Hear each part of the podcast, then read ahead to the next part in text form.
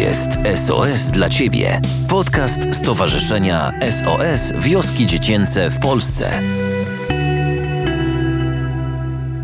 To jest podcast SOS dla Ciebie. Anna Choszcz-Sędrowska, witam serdecznie. Dzisiaj moim gościem będzie Wiktoria Gudowa z SOS Ukraina, fundraiserka, specjalistka od komunikacji, matka, żona, córka, kijowianka, którą wojna wygnała z ukochanego miasta do Iwano-Frankowska, gdzie wraz z kolegami z SOS Ukraina i z innych organizacji pozarządowych tworzy struktury, które niosą pomoc humanitarną i psychologiczną dzieciom i rodzinom w ogarniętej wojną Ukrainie.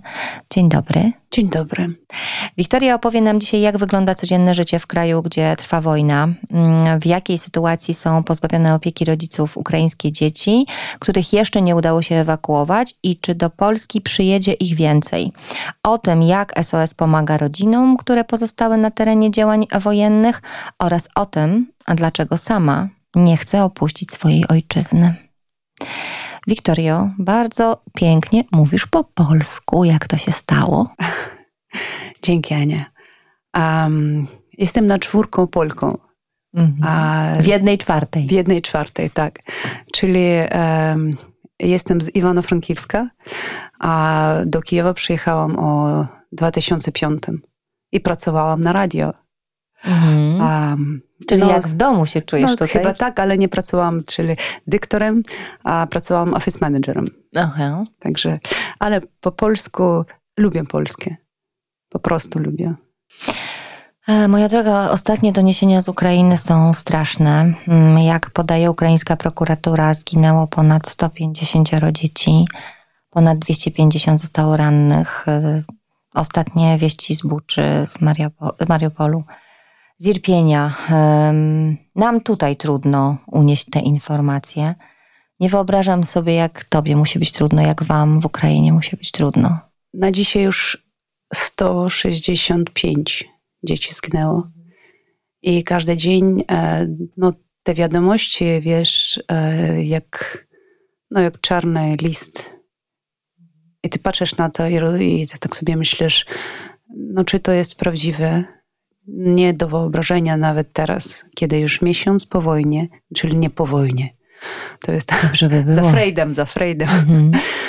E, czyli mi miesiąc wojny.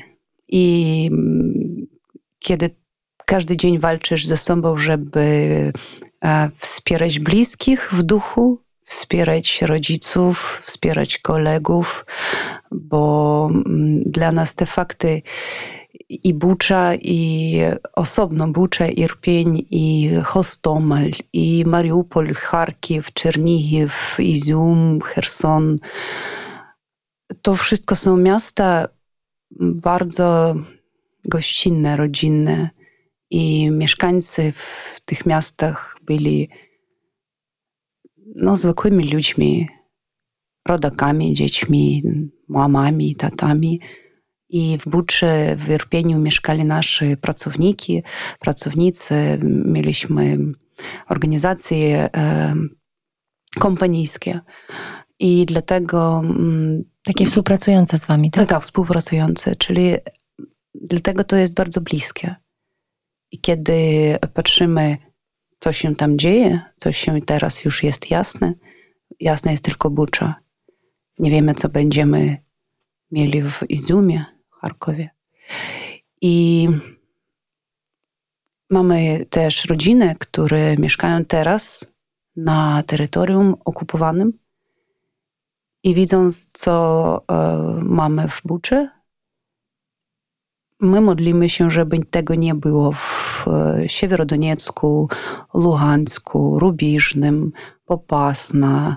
Mieliśmy tam cztery centrum i e, przed 8 lat pracowaliśmy na tym szarym, szara zona, czyli terytorium takie dzielone między okupowanymi terytoriami i Ukrainą, czyli 8 lat mieliśmy wojnę, o której no może świat znał, ale nie wierzyli do końca.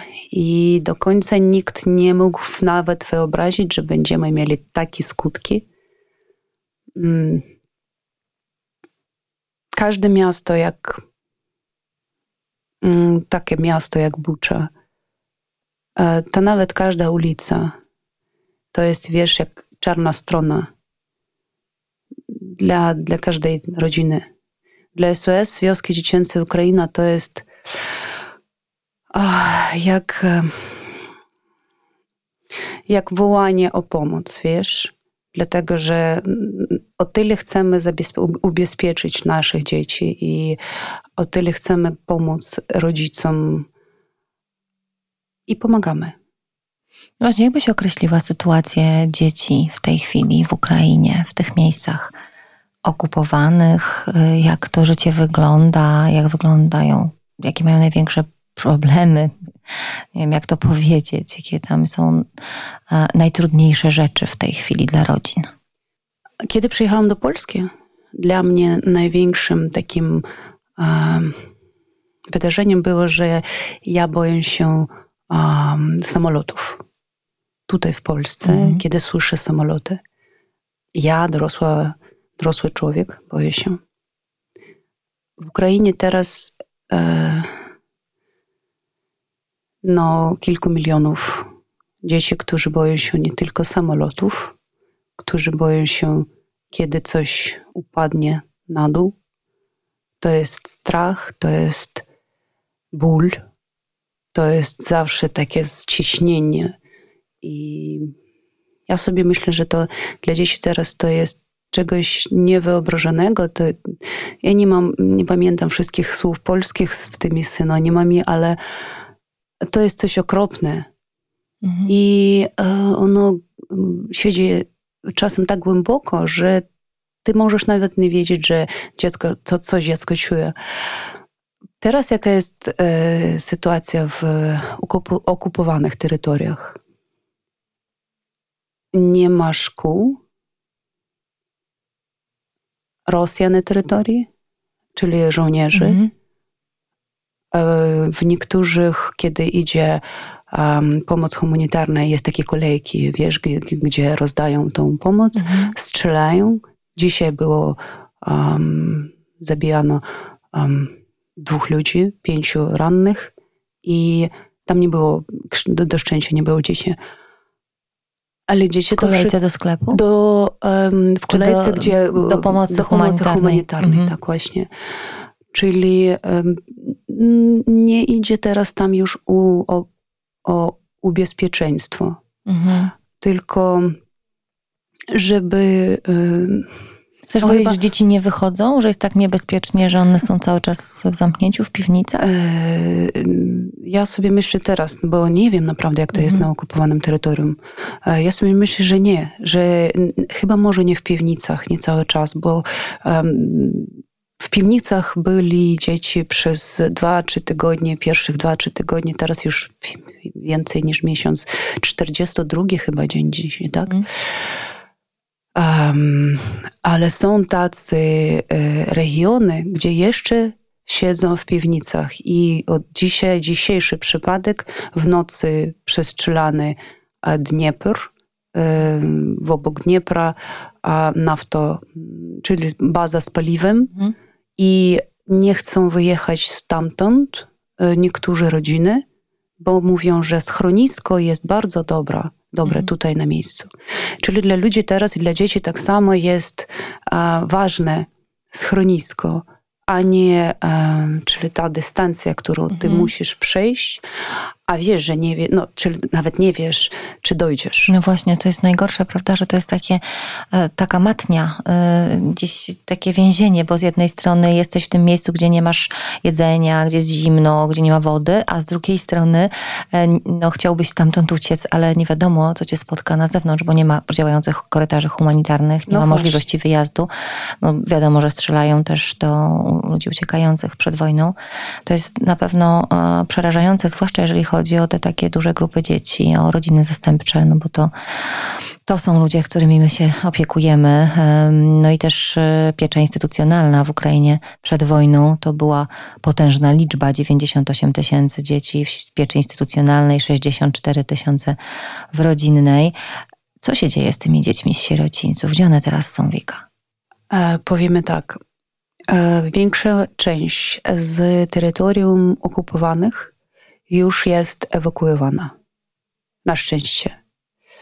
E, pierwsze tygodnie było bardzo ciężko, bo nie było organizacji urzędowej, e, no takiej e, ogólnej, Mhm, mhm. nie było schematu. Mhm. Bo dla wszystkich to było zaskoczenie, chociaż mówiliśmy o tym jeszcze od grudnia miesiąca. I w, na początku lutego e, SOS Wioski Dziecięce w Ukrainie ewakuowali a, rodziny zastępcze, mm, 80 ludzi do Truskawca. No właśnie, y, wy się tego spodziewaliście, bo wszyscy mówią, że to było zaskoczenie, że nikt tego nie wiedział, że wszyscy myśleli, że to będzie taka wojna jak ta na wschodzie, a wy jednak połowę swoich beneficjentów przewieźliście w bezpieczne miejsce i łatwiej było nam je, ich potem do Polski sprowadzić. No właśnie, e, dlatego że no, jeżeli by nie SOS Polski, to byłoby, byłoby też utrudnione, ale ja sobie myślę, że to była taka sprawa. Ludzie e, może wiedzieli, ale do końca nie wierzyli e, tego całego um, wolum. Mhm. Aha, nie sądzili, że to będzie taka skala, tak? No, a Ach, skala, ten- tak, dzięki. mhm. Czyli nie, nie, nie mogli sobie wyobrazić. To pierwsze. Drugie, ja sobie myślę, że nikt nie mógł wyobrazić, że ukraińska armia zgodna i zdolna na tyle um, dać sp- sprzeciw do drugiej światowej armii, nazwijmy to Mhm. tak, tak. A trzecia sprawa, um, instytucyjna opieka w Ukrainie to zawsze było takie em, zawsze była taka sprawa e, urzędowa i niezupełnie prozora. Transparent, E, Przejrzysta. przejrzysta. Tak. Mhm. Czyli Transparentna można po polsku też transparentna, powiedzieć. Tak, tak. Mhm. To, czyli em, dlatego y, ta, ta reforma deinstytucjonalizacji, ona była potrzebna i teraz już jest potrzebna, no naprawdę tak gorąco, e, żeby e, najpierw dzieci mieli rodziny, rodziców zastępczych, ale byli w, wzrastali w rodzinie. I żeby nie było em, nawet w takiej okazji takiego wielkiego, um, takiej wielkiej skali, Okej, niepowodzeń. no chyba tak, Mhm. niepowodzeń, bo mm, cały, cała skala tej pracy odbywała się dzięki e, organizacjom jak nasza. Mhm. Czyli dzięki SOS Ukraina, dzięki a, a, kilku naszym partnerom, którzy byli, mm, mieli szczęście i byli zdolni i ryzykowali, naprawdę ryzykowali sobą. Oni jechali do Charkowa, do Izuma, do Berdiańska, do Chersonu i Mariupola też i zabierali stamtąd e, dzieci, którzy w instytucjach mm, był, był taki period, kiedy cały tydzień pod Kijowem był dom, e, budynek dytyny, jak w tych założniki, czyli te, którzy zostają w jakimś budynku, a wokół budynku okupowana terytorium, czyli one byli no, w takim terytorium. I Ten dom dziecka był, tak? ten dom tym- dziecka był. I one były tam cały tydzień bez, czyli produktów, bez jedzenia Mhm. normalnego, no czyli to, to, to co było tam, Mhm. one korzystali, to wszystko. Czyli i takich sytuacji po Ukrainie mamy dość. Mhm. Po prostu nie mamy czasu na to, żeby o tym mówić głośno, bo cały czas pracujemy na to, żeby em, z partnerami ewakuować, a dostawiać humanitarną pomoc, rozwijać dalej programy, bo mamy zniszczone swoje centry w wschodniej Ukrainie i Mhm. pomagamy teraz, czyli robimy centry na zachodniej Ukrainie. Czyli wiesz, nie ma czasu, żeby po prostu gadać. Ty Mhm. idziesz i robisz. Jasne.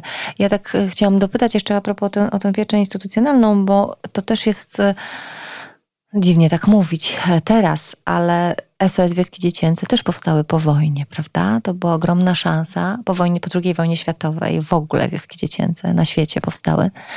E, I myślę, że też przed Ukrainą duża szansa, żeby taką zmianę wprowadzić po wojnie, właśnie dotyczącą pieczy, y, zamiany pieczy instytucjonalnej na rodzinną. Mam nadzieję, że to przed Wami, że tak będzie. Wiem, że Wioski Dziecięce Ukraina pracowały nad tym, żeby ta deinstytucjonalizacja była, no ale to jest duże wyzwanie, bo ta grupa dzieci sierocińców jest e, bardzo duża. Wiem, że one są zlokalizowane w tej chwili, te grupy e, na zachodzie. Myślisz, że przyjadą do Polski? Z, ze względu urzędu ta procedura jest, nie, nie jest tak e, prosta, nie jest tak łatwa. Ja nie wiem, czy dojadą do Polski, ale ja wiem, że jadą do Włoch niektórzy, dlatego że urzędy podpisali czy jakieś tam porozumienie. Porozumienie, dziękuję. Um, I e, te instytucje e, no, czyli migrują tam. Mhm. Ale ze względu na to, że to są dzieci ukraińskie, nie fakt, że wrócą, a dla nas to jest genofond. Czyli tracimy swoich dzieci przez wojnę. Nie chcemy. No, nie ma sensu. E, dla SOS Wioski Dziecięce w Ukrainie to jest wielka szansa i teraz będziemy pracować na to, żeby e, reformę tą e, deinstytucjonalizacji dać życie jej, nowe życie. Może będziemy usłyszeni. Mhm, tak, no bo ja myślę, będziemy że... wołać, naprawdę, teraz będziemy wołać i ja jako komunikatorka będę um, łączyła kampanię informacyjną. Teraz e, mamy e, partnerów, którzy zaczynają też działać w tym kierunku. I no naprawdę dla nas to jest szansa. To podobnie jak dla nas, wiesz, bo my też e, przy tej ukraińskiej fali dostaliśmy masę telefonów od Polaków, którzy chcieliby adoptować na przykład ukraińskie dzieci. A my im mówimy, że w Polsce jest 72 tysiące dzieci Proszę w pieczy bardzo. zastępczej. Jedna czwarta z nich to też są dzieci w instytucjach, trochę innych niż te w Ukrainie, ale w instytucjach i one nadal czekają. Więc jeżeli ktoś chciałby być rodzicem zastępczym, zapraszamy, czy rodzicem SOS, naprawdę czekamy na Was e, i może trzeba by zacząć od swoich dzieci tutaj, tutaj na miejscu, a no naszą taką ideą jest to, żeby przyjąć te dzieci, które możemy, czy to z pieczy rodzinnej, czy instytucjonalnej, czy z sierocińców, utrzymać je tutaj przez pewien czas, zaleczyć ich traumy, być z nimi, dotrudnić im e, personel, pracowników, którzy będą ich wspierać, dać im, dać im pomoc specjalistów po to, żeby one mogły na Ukrainę wrócić. Dla nas to jest, to jest takie działanie, e, które przede wszystkim ma sens. Co myślisz o tym? Ania, takich partnerów Bóg posyła, wiesz, czyli jak aniołków, naprawdę, bo E, u nas w Ukrainie też teraz jest duża fala, ludzie, którzy chcą. I ja mam kolegów, moich e, friendów, którzy e, wiedzą, gdzie pracują i zwracają się, jak możemy zabrać dziecko na opiekę zastępczą. I tam już jest kolejka. Naprawdę. Dobry znak tak, tylko że nie, nie trzeba do tego tak się przygotować, nie? Właśnie, to też nie jest znak. tak, że to mhm. można sobie po prostu zach tak chcę, psyknę palcami i nagle mam. Do tego trzeba być przygotowanym, bo to są dzieci po wielkich traumach. Jeszcze zanim była wojna.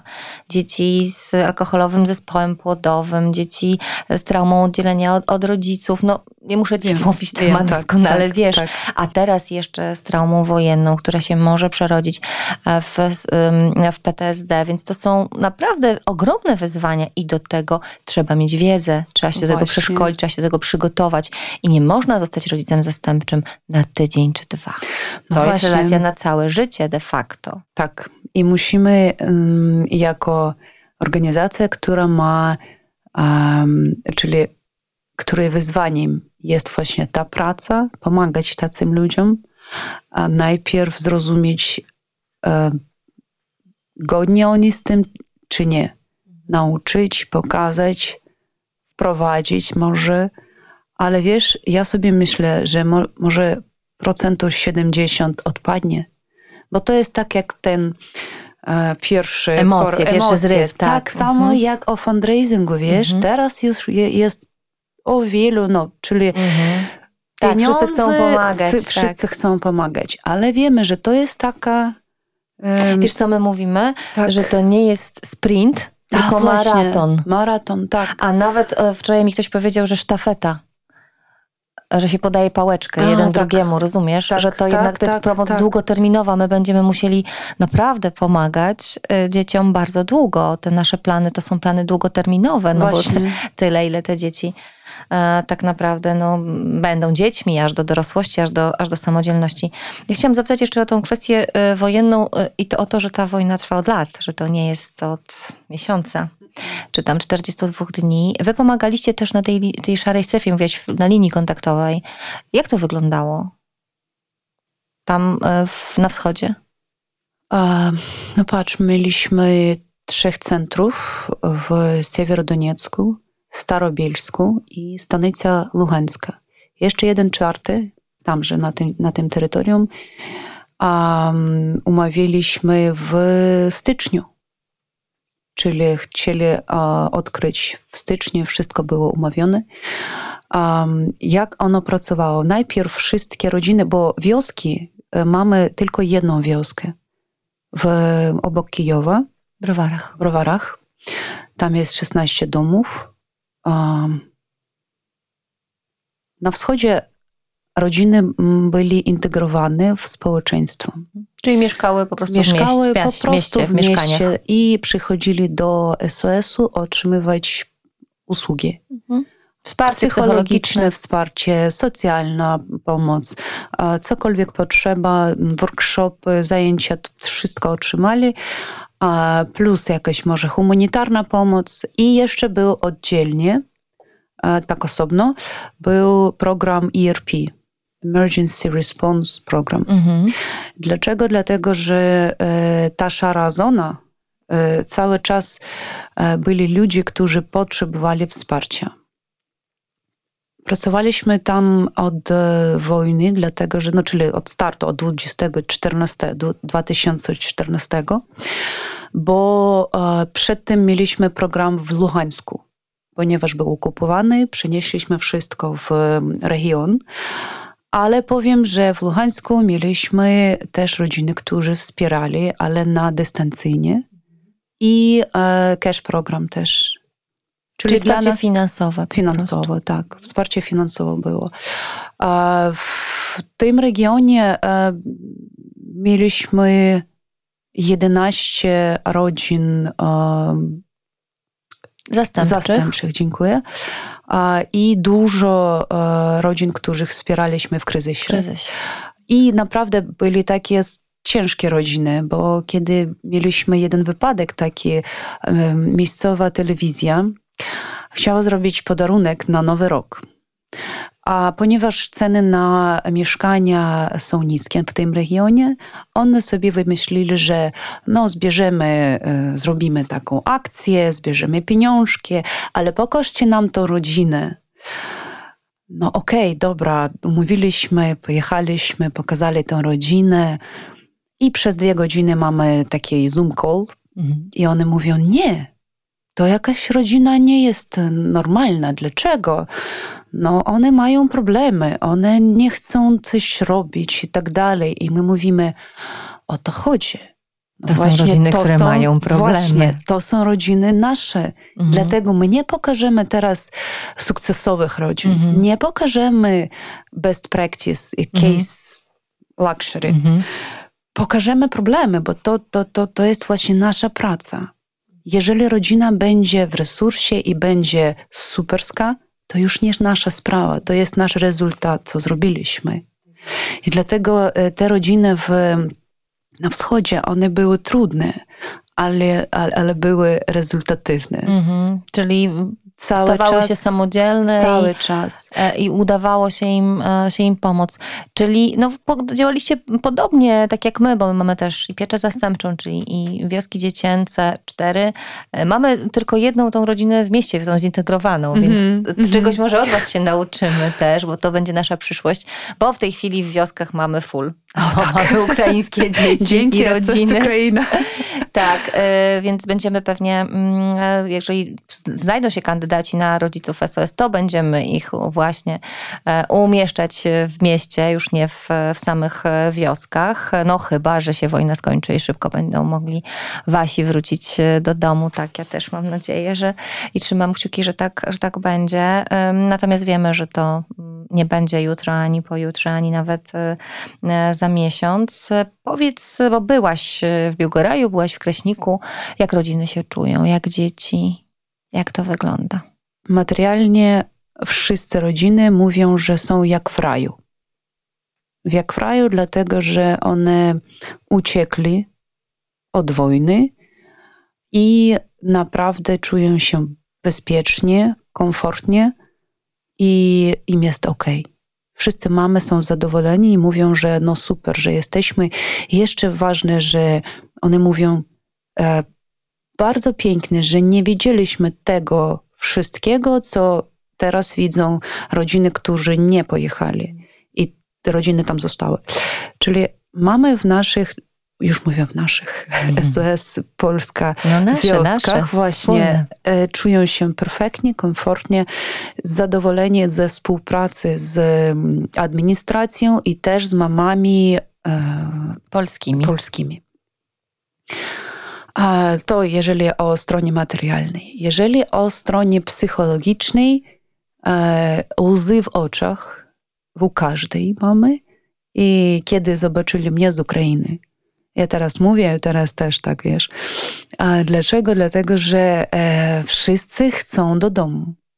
Nieważne co, ale chcą do domu. I um, mówiliśmy, e, że czekamy. Czekamy na powrócenie wszystkich i e, nie wiemy, kiedy będzie, ale wiemy, że będziemy wracać na Ukrainę i to będzie już inna Ukraina. E, inna Ukraina, to będą inne wioski. Nie wiemy nawet, gdzie będą. Nie wiemy, mm. czy będą na zachodzie, czy w centrum. Została wioska w kijowskiej, e, czy w, Kijow, w kijowskim regionie, w Browarach. Ale no, o ten, ten wiesz, mora, moralno-psychiczny nastrój, e, chcą do domu, no, no to, to jest to pierwsze.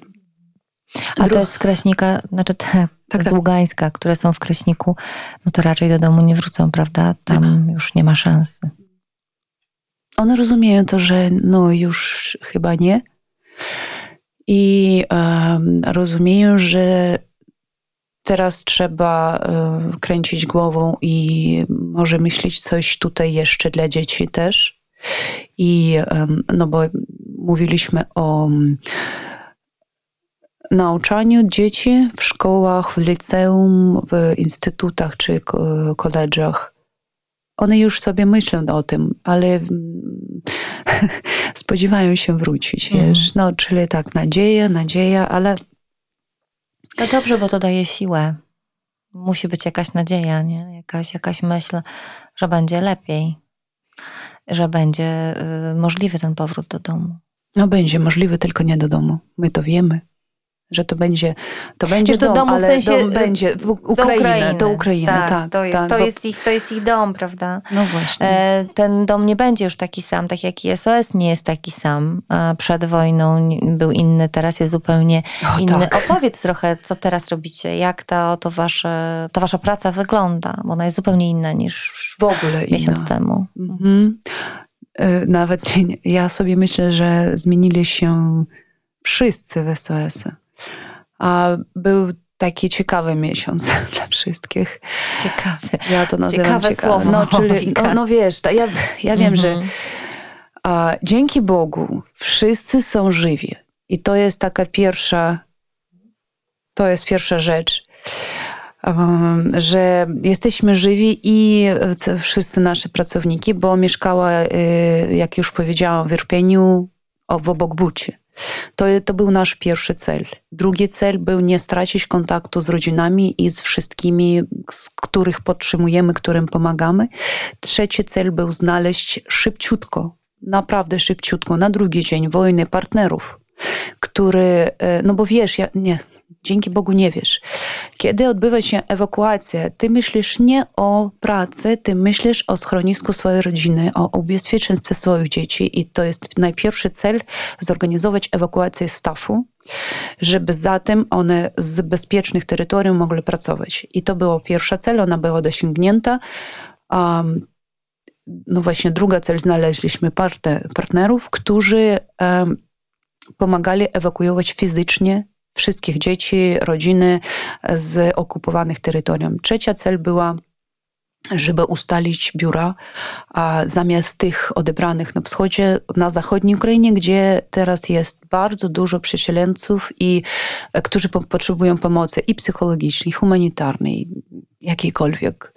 Dlatego teraz e, mamy, no pójdę tak, programy, które byli, byli u nas, zostały aktywne, działają, e, specjalisty pracują w, na wschodzie też, na tym terytorium, gdzie są okupowane, tymczasowo okupowane.